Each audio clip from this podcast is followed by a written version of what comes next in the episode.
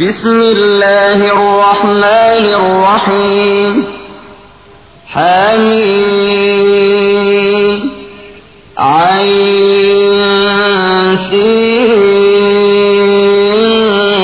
قاف.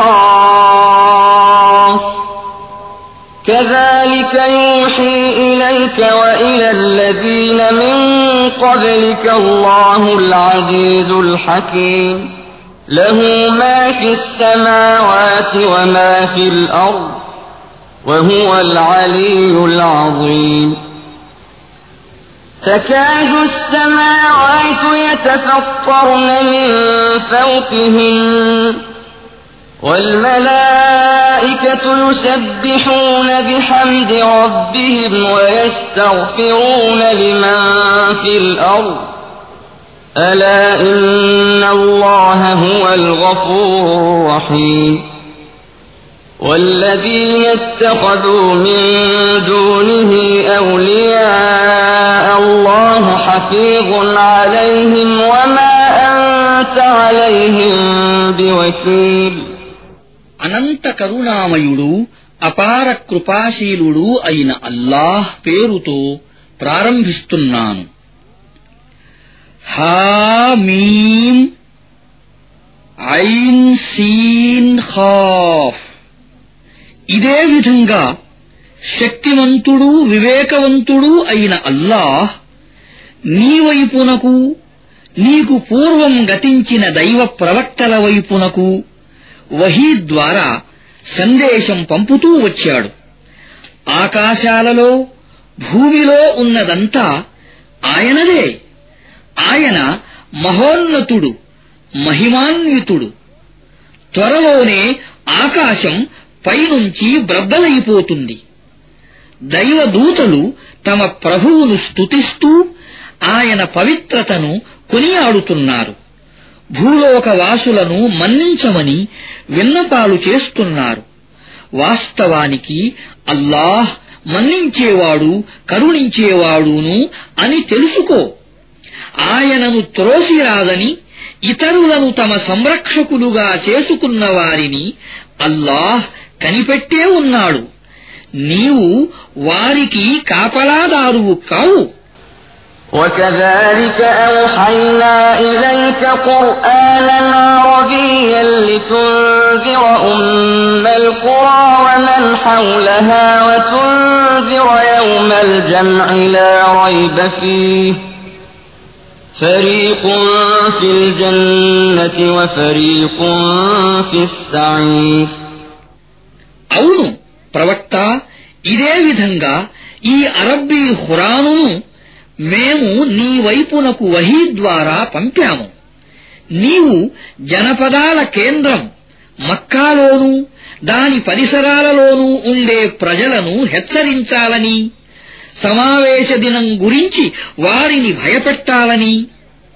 అది వచ్చే విషయములో ఏమాత్రం సందేహం లేదు ఒక వర్గం వారు స్వర్గానికి పోతారు మరొక వర్గం వారు నరకానికి పోతారు ولو شاء الله لجعلهم أمة واحدة ولكن يدخل من يشاء في رحمته والظالمون ما لهم من ولي ولا نصير أم اتخذوا من دونه أولياء فالله هو الولي فالله هو الولي وهو يحيي الموتى وهو على كل شيء قدير అల్లాహ్ గనక కోరి ఉంటే వారందరినీ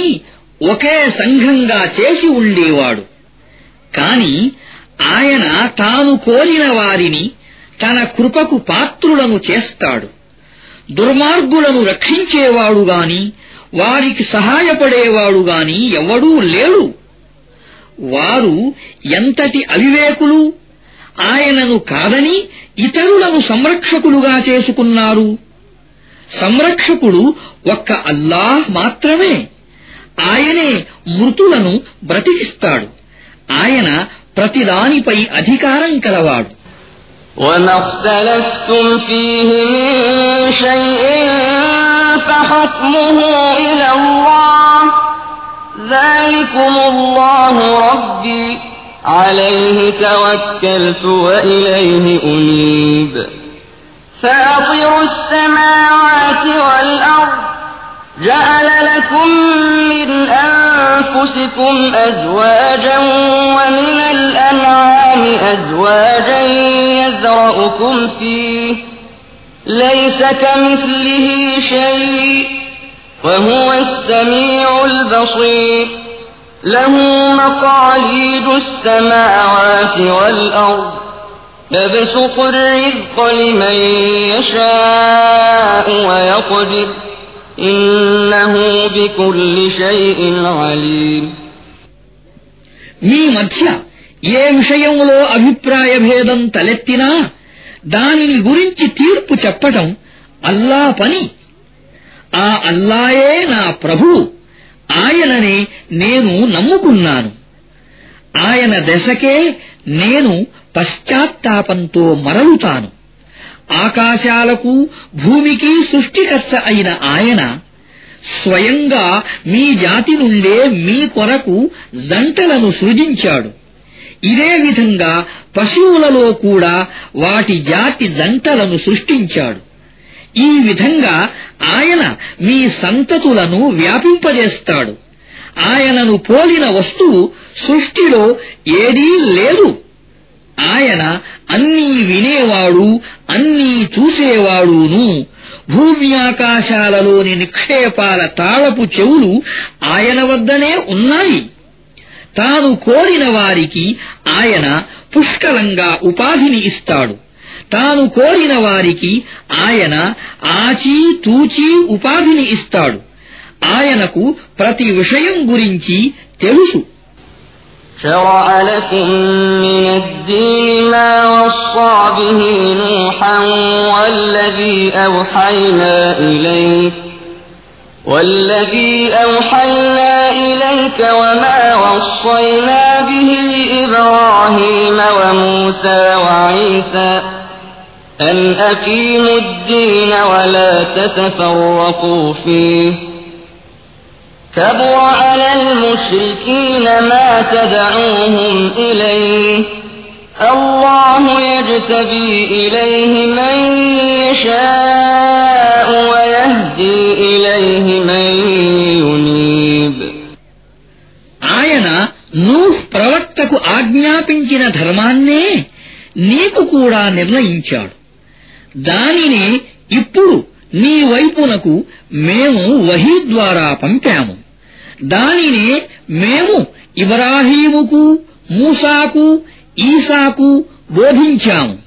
ఈ ధర్మాన్ని స్థాపించండి అని దానిని గురించి విభేదాలకు లోను కాకండి అని తాకీదు చేస్తూ. ఈ విషయమే ఈ బహుదైవారాధకులకు ఎంతో అసహనం కలిగించింది. దాని వైపునకే నీవు వారిని ఆహ్వానిస్తున్నావు అల్లాహ్ తాను కోరిన వారిని తనవారుగా చేసుకుంటాడు ఆయన తన వైపునకు మరలే వారికి మాత్రమే తన వైపునకు వచ్చే మార్గాన్ని చూపుతాడు وما تفرقوا إلا من بعد ما جاءهم العلم بغيا بينهم ولولا كلمة سبقت من ربك إلى أجل مسمى لقضي بينهم وإن الذين أورثوا الكتاب من بعدهم لفي شك منه مريب ప్రజల వద్దకు జ్ఞానం వచ్చిన తరువాతనే వారిలో విభేదం తల ఎత్తింది వారు ఒకరికొకరు అన్యాయం చేయదలుచుకున్న కారణంగానే తల ఎత్తింది. ఒక నిర్ణీత కాలం వరకు తీర్పు నిలిపివేయబడింది అని నీ ప్రభు మొదట్లోనే సెలవిచ్చి ఉండకపోతే వారి వ్యవహారం తేల్చివేయబడి ఉండేదే.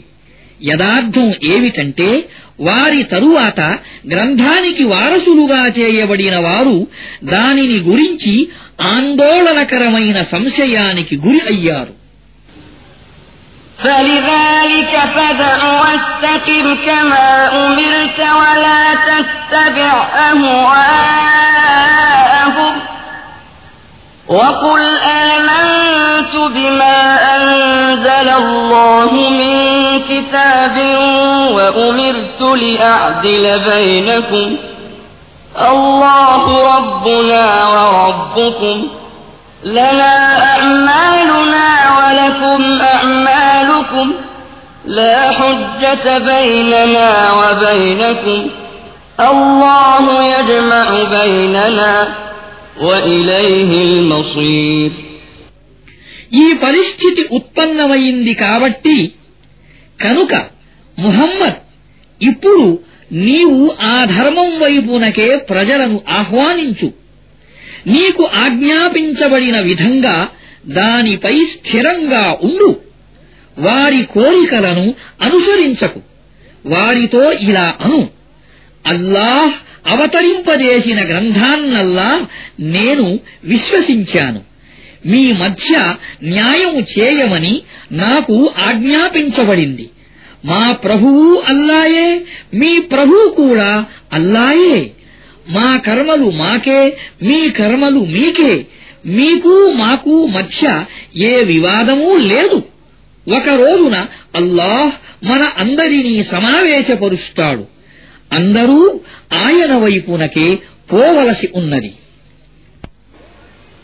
والذين يحاجون في الله من بعد ما استجيب له حجتهم داحضة عند ربهم وعليهم غضب وعليهم غضب ولهم عذاب شديد అల్లాహ్ సందేశాన్ని స్వీకరించిన తరువాత స్వీకరించిన వారితో అల్లాను గురించి వివాదపడే వారి వాదం వారి ప్రభువు దృష్టిలో అసత్యమైనది వారిపై అల్లాహ్ ఆగ్రహం పడుతుంది వారికి కఠిన శిక్ష విధించబడుతుంది الله الذي أنزل الكتاب بالحق والميزان وما يدريك لعل الساعة قريب يستعجل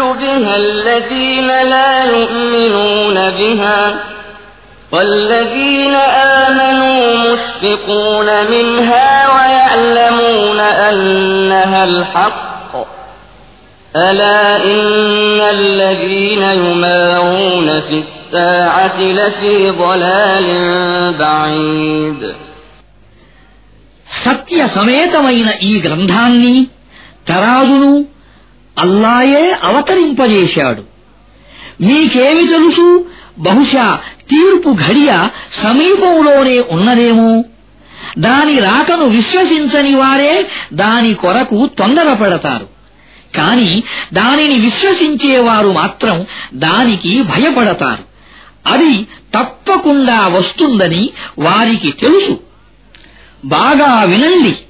ఆ ఘడియను గురించి సందేహం రేకెత్తించే వాదనలు చేసేవారు అపమార్గంలో చాలా దూరం వెళ్లిపోయారు الله لطيف بعباده يرزق من يشاء وهو القوي العزيز من كان يريد حرث الآخرة نزد له في حرثه ومن كان يريد حرث الدنيا نؤته منها وما له في الآخرة من نصيب అల్లాహ్ తన దాసుల పట్ల ఎంతో దయ కలవాడు తాను ఎవరికి ఏది ఇవ్వాలని కోరుకుంటాడో అది వారికి ఇస్తాడు ఆయన ఎంతో బలవంతుడు ఎంతో శక్తివంతుడును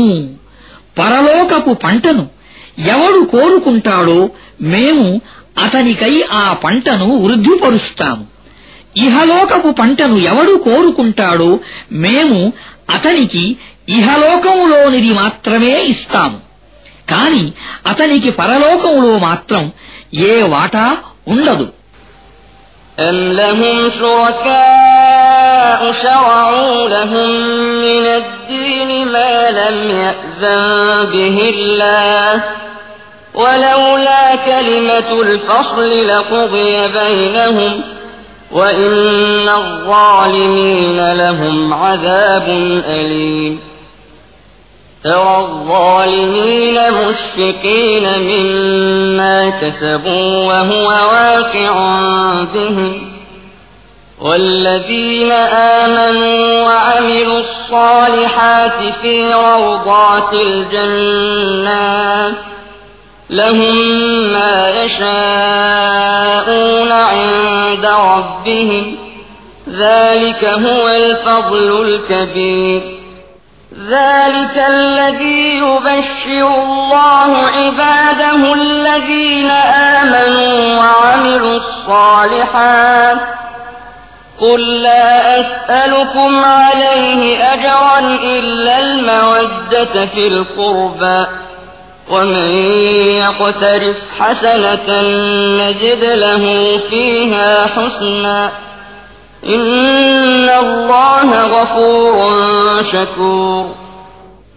అల్లాహ్ అనుమతించకుండానే ధర్మం వంటి స్వభావం గల ఒక విధానాన్ని తమ కొరకు రూపొందించిన దైవ భాగస్వాములనెవరినైనా వారు కలిగి ఉన్నారా? తీర్పు విషయం నిర్ణయింపబడి ఉండకపోతే వారి వ్యవహారం ఎప్పుడో తేల్చివేయబడి ఉండేది. నిశ్చయంగా ఈ దుర్మార్గులకు వ్యధాభరితమైన శిక్ష పడుతుంది. అప్పుడు ఈ దుర్మార్గులు తాము చేసిన దాని పరిణామానికి భయపడుతూ ఉండటాన్ని నీవు చూస్తావు. అది తప్పకుండా వారి మీదకు వచ్చి పడుతుంది. దీనికి భిన్నంగా విశ్వసించి సత్కార్యాలు చేసిన వారు స్వర్గవనాలలో ఉంటారు. వారు తాము కోరిన దానిని తమ ప్రభువు వద్ద పొందుతారు. ఇదే గొప్ప అనుగ్రహం. దీని శుభవార్తనే అల్లాహ్ విశ్వసించి సత్కార్యాలు చేసే తన దాసులకు తెలియజేస్తున్నాడు. ప్రవక్త వారితో ఇలా అను నేను ఈ పనికి మీ నుండి ఏ ప్రతిఫలాన్ని కోరను. అయితే బంధు ప్రేమను తప్పకుండా కోర్తాను. ఎవడు మంచిని సంపాదించుకుంటాడో మేము అతని మంచిని మరింత పెంచుతాము నిస్సందేహంగా అల్లాహ్ ఎంతో మన్నించేవాడు విలువనిచ్చి గుర్తించేవాడును أم يقولون افترى على الله كذبا فإن يشأ الله يختم على قلبك ويمحو الله الباطل ويحق الحق بكلماته. إنه عليم بذات الصدور. وهو الذي يقبل التوبة عن عباده ويعفو عن السيئات ويعلم ما تفعلون. ويستجيب الذين آمنوا وعملوا الصالحات ويزيدهم من فضله والكافرون لهم عذاب شديد అతను అల్లాను గురించి అభాండాన్ని కల్పించాడని వారు అంటున్నారా అల్లాహ్ కోరితే నీ హృదయానికి సీలు వేస్తాడు ఆయన అసత్యాన్ని రూపుమాపుతాడు. సత్యాన్ని తన వచనాల ద్వారా సత్యంగా నిరూపిస్తాడు. ఆయన గుండెలలో దాగి ఉన్న రహస్యాలను సైతం ఎరువును ఆయనే తన దాసుల నుండి పశ్చాత్తాపాన్ని స్వీకరిస్తాడు. వారి చెడులను ఉపేక్షిస్తాడు. వాస్తవానికి మీ చేష్టలన్నీ ఆయనకు తెలుసు. ఆయన విశ్వసించి మంచి పనులు చేసేవారి ప్రార్థనలను అంగీకరిస్తాడు. తన కృప నుండి వారికి ఇంకా ఎక్కువగా ఇస్తాడు. ఇక తిరస్కరించే వారి విషయం వారికైతే కఠిన శిక్ష పడుతుంది. ولو بسط الله الرزق لعباده لبغوا في الأرض ولكن ينزل بقدر ما يشاء. إنه بعباده خبير بصير. وهو الذي ينزل الغيث من بعد ما قنطوا وينشر رحمته. وهو الولي الحميد ومن آياته خلق السماوات والأرض وما بث فيهما من دابة وهو على جمعهم إذا يشاء قدير ఒకవేళ అల్లాహ్ తన దాసులందరికీ పుష్కలంగా ఉపాధి ఇచ్చినట్లయితే వారు ధరణిపై తిరుగుబాటు తుఫాను రేపి ఉండేవారు. కాని ఆయన ఒక లెక్క ప్రకారం తాను కోరినంత దానిని అవతరింపజేస్తాడు. నిశ్చయంగా ఆయన తన దాసులను బాగా ఎరుగును. ఆయన వారిని కనిపెట్టే ఉంటాడు. ప్రజలు నిరాశకు గురి అయినప్పుడు ఆయనే వర్షాన్ని కురిపిస్తాడు. తన కారుణ్యాన్ని వ్యాపింపజేస్తాడు. ఆయనే సకల ప్రశంసలకు అర్హుడైన సంరక్షకుడు. ఈ భూమ్యాకాశాల సృష్టి ఆ రెండు చోట్ల ఆయన వ్యాపింపజేసిన ఈ జీవరాశులు ఆయన సూచనలలోనివే. ఆయన తాను కోరినప్పుడు వాటిని సమీకరించగలడు. وما أصابكم من مصيبة فبما كسبت أيديكم ويعفو عن كثير وما أنتم بمعجزين في الأرض وما لكم من دون الله من ولي ولا نصير ومن آياته الجوار في البحر كالأعلام. إن يشأ يسكن الريح فيظللن رواكد على ظهره. إن في ذلك لآيات لكل صبار شكور. أو يوبقهن بما كسبوا ويعفو عن كثير. ويعلم الذين يجادلون في آياتنا ما لهم من محيص మీ పైకి వచ్చిన ఆపద మీరు మీ చేజేతులా చేసుకున్న దాని వల్లనే వచ్చింది చాలా పొరపాట్లను ఆయన ఇట్టే మన్నించి వేస్తాడు మీరు భూమిలో దేవుణ్ణి అసక్తులుగా చేయలేరు అల్లాకు వ్యతిరేకంగా మీకు సహాయపడేవాడు మిమ్మల్ని రక్షించేవాడు ఎవ్వడూ లేడు. సముద్రంలో కొండలు మాదిరిగా కనిపించే ఈ ఓడలు ఆయన సూచనలలోనివే. అల్లాహ్ తాను కోరినప్పుడు గాలిని స్తంభింపచేస్తాడు. అప్పుడు అవి సముద్రం వీపుపై నిలిచి ఉన్నవి నిలిచి ఉన్నట్లుగానే ఉండిపోతాయి. అత్యున్నత శ్రేణికి చెందిన సహనము కృతజ్ఞతాకల ప్రతి వ్యక్తికి ఇందులో గొప్ప సూచనలు ఉన్నాయి. లేదా వాటిపై ప్రయాణం చేసేవారి అనేక పాపాలను క్షమిస్తూనే వారు చేసిన కొన్ని అకృత్యాల ఫలితంగానే వారిని ముంచివేయవచ్చు.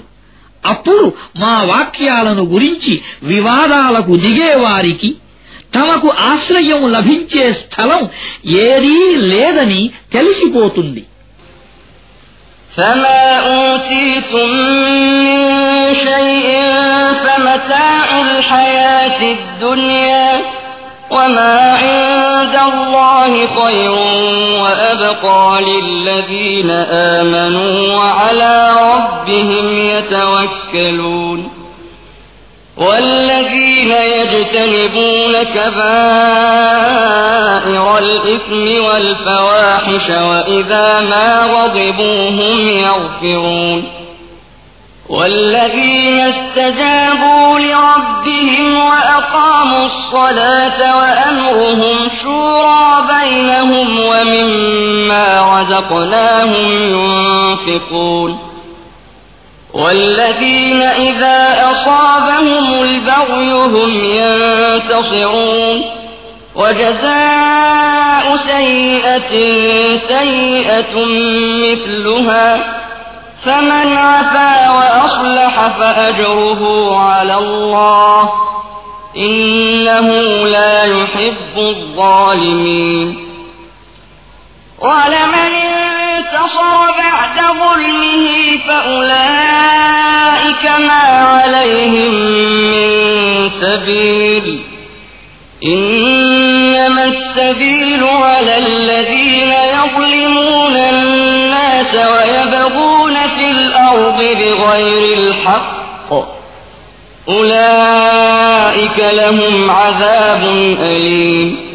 ولمن صبر وغفر إن ذلك لمن عزم الأمور మీకు ఇవ్వబడినదంతా కేవలం కొన్ని రోజుల ప్రాపంచిక జీవితపు సామగ్రి మాత్రమే కాని అల్లాహ్ వద్ద ఉన్నది శ్రేష్టమైనది శాశ్వతమైనది కూడా అది ఎవరి కోసమంటే విశ్వసించి తమ ప్రభువును నమ్ముకున్న వారి కోసం పెద్ద పెద్ద పాపాలకు సిగ్గుమాలిన పనులకు దూరంగా ఉండేవారి కోసం. కోపం వచ్చినప్పుడు కూడా క్షమించేవారి కోసం. తమ ప్రభువు ఆజ్ఞను పాలించేవారి కోసం. నమాజును స్థాపించేవారి కోసం. తమ వ్యవహారాలను పరస్పర సంప్రదింపుల ద్వారా నడుపుకునేవారి కోసం. మేము వారికి ఇచ్చిన ఉపాధి నుండి ఖర్చు చేసేవారి కోసం.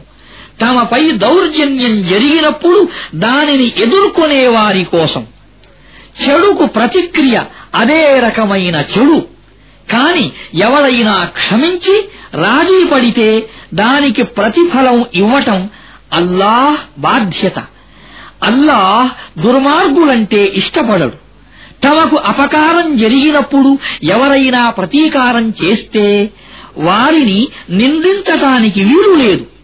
అసలు నిందార్హులు ఇతరులకు అన్యాయం చేసేవారే భూమిపై అన్యాయంగా దౌర్జన్యాలు చేసేవారే అటువంటి వారికి వ్యధాపూరితమైన శిక్ష పడుతుంది అయితే ఎవరైనా సహనంతో వ్యవహరిస్తే క్షమించి వేస్తే అది పెద్ద సాహసంతో దృఢ సంకల్పంతో కూడుకున్న పని ومن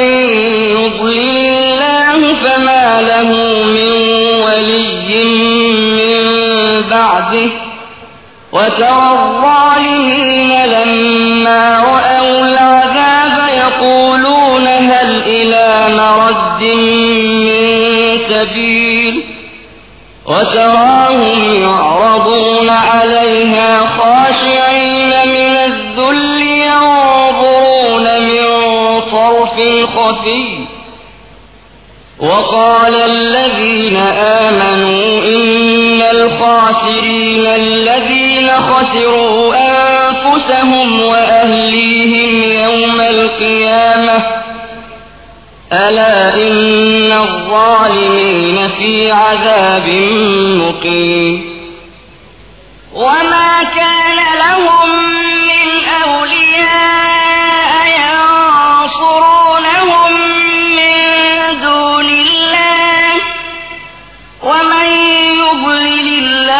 فما له من سبيل అల్లాయే మార్గం తప్పించిన వాడిని ఆదుకునేవాడు అల్లాహ్ తప్ప మరెవ్వడూ లేడు ఈ దుర్మార్గులు శిక్షను చూచినప్పుడు వెనక్కి వెళ్లిపోవటానికి మార్గమేదైనా ఉందా అని అడగటాన్ని నీవు చూస్తావు వారిని నరకం ముందుకు తీసుకువచ్చినప్పుడు వారు అవమాన భారంతో కృంగిపోవటాన్ని దానిని దొంగచూపులతో చూడటాన్ని నీవు గమనిస్తావు. అప్పుడు విశ్వాసులు ఇలా అంటారు. ప్రళయ దినము నాడు తనను తన సంబంధీకులను నష్టానికి గురి చేసేవాడే అసలు నష్టపోయేవాడు. జాగ్రత్త దుర్మార్గులు శాశ్వతమైన యాతనకు గురి అవుతారు. అల్లాకు వ్యతిరేకంగా వారి సహాయానికి వచ్చే సహాయకులు గాని సంరక్షకులు గాని ఎవ్వరూ ఉండరు అల్లాహ్ అపమార్గం పట్టించిన వాడికి దాని నుండి బయటపడే మార్గము ఏదీ ఉండదు استجيبوا لربكم من قبل أن يأتي يوم لا مرد له من الله ما لكم من لكم من نكير. فإن أعرضوا فما أرسلناك عليهم حفيظا. إن عليك إلا البلاغ. وإنا إذا أذقنا الإنسان منا رحمة فرح بها. وإن تصبهم سيئة بما قدمت أيديهم فإن الإنسان كفور అల్లా తరఫు నుండి తొలగింపబడే అవకాశం ఏమాత్రం లేనటువంటి ఆ రోజు రాక మునుపే మీరు మీ ప్రభువు మాటను స్వీకరించండి ఆ రోజున మీకు ఎక్కడా ఆశ్రయం లభించదు మీ స్థితిని మార్చటానికి ప్రయత్నం చేసేవాడు ఎవడూ ఉండడు. ఇప్పుడు ఒకవేళ వారు ముఖం తిప్పుకుంటే ప్రవక్త మేము నిన్ను వారిపై కాపలాదారుగా నియమించి పంపలేదు కదా. కేవలం మాటను అందజేసే బాధ్యత మాత్రమే నీపైన ఉన్నది. మానవుడి స్థితి ఎటువంటిదంటే మేము అతనికి మా కారుణ్యాన్ని రుచి చూపించినప్పుడు దానికి అతడు ఆనందంతో పొంగిపోతాడు ఒకవేళ అతడు తన చేతులతో చేసిందే ఆపద రూపంలో అతడిపైకి వచ్చి పడితే అతడు కరుడు కట్టిన కృతజ్ఞుడైపోతాడు لله ملك السماوات والأرض يخلق ما يشاء يهب لمن يشاء إناثا ويهب لمن يشاء الذكور أو يزوجهم ذكرانا وإناثا ويجعل من يشاء عقيما إنه عليم قدير ఆకాశాల సామ్రాజ్యానికి అల్లాహ్ ప్రభు. ఆయన తాను కోరిన దానిని సృష్టిస్తాడు. తనకు ఇష్టమైన వారికి కూతుళ్ళను తాను కోరిన వారికి కొడుకులను ఇస్తాడు. తనకు ఇష్టమైన వారికి కొడుకులను కూతుళ్ళను కలిపి ఇస్తాడు. తాను కోరిన వారికి అసలు సంతానమే ఇవ్వడు. ఆయనకు అంతా తెలుసు. ఆయనకు అన్నిటిపైన అధికారం ఉన్నది وما كان لبشر أن يكلمه الله إلا وحيا أو من وراء حجاب أو يرسل رسولا أو يرسل رسولا فيوحي بإذنه ما يشاء إنه علي حكيم وكذلك أوحينا إليك روحا من أمرنا ما كنت تدري ما الكتاب ولا الإيمان ولكن جعلناه نورا نهدي به من نشاء من عبادنا. وإنك لتهدي إلى صراط مستقيم. صراط الله الذي له ما في السماوات وما في الأرض ألا إلى الله تصير الأمور అల్లాహ్ ముఖాముఖి మాట్లాడే అంత స్థానం మానవునిది కాదు ఆయన మాట్లాడటం అనేది వహీ ద్వారానైనా జరుగుతుంది లేదా తెర వెనుక నుండి అయినా జరుగుతుంది లేదా ఆయన సందేశహరుణ్ణి ఎవరినైనా పంపుతాడు. అతను ఆయన ఆజ్ఞానుసారం ఆయన కోరిన దానిని వహీ చేస్తాడు. ఆయన ఉన్నతుడు వివేకవంతుడును. ఇదే విధంగా ప్రవక్త మేము మా ఆజ్ఞ ద్వారా ఒక ఆత్మను నీ వైపునకు వహీ చేశాము. గ్రంథం అంటే ఏమిటో విశ్వాసం అంటే ఏమిటో నీవు అసలు ఎరుగవు. కాని మేము ఆ ఆత్మను ఒక జ్యోతిగా చేసి దాని ద్వారా మా దాసులలో మేము కోరిన వారికి మార్గం చూపుతాము. నిశ్చయంగా నీవు రుజుమార్గం వైపునకు దారి చూపుతున్నావు. భూమ్యాకాశాలలో ఉన్న ప్రతిదానికి ప్రభువైన దేవుని మార్గం వైపునకు దారి చూపుతున్నావు. జాగ్రత్త వ్యవహారాలన్నీ అల్లా వైపునకే మరలుతాయి.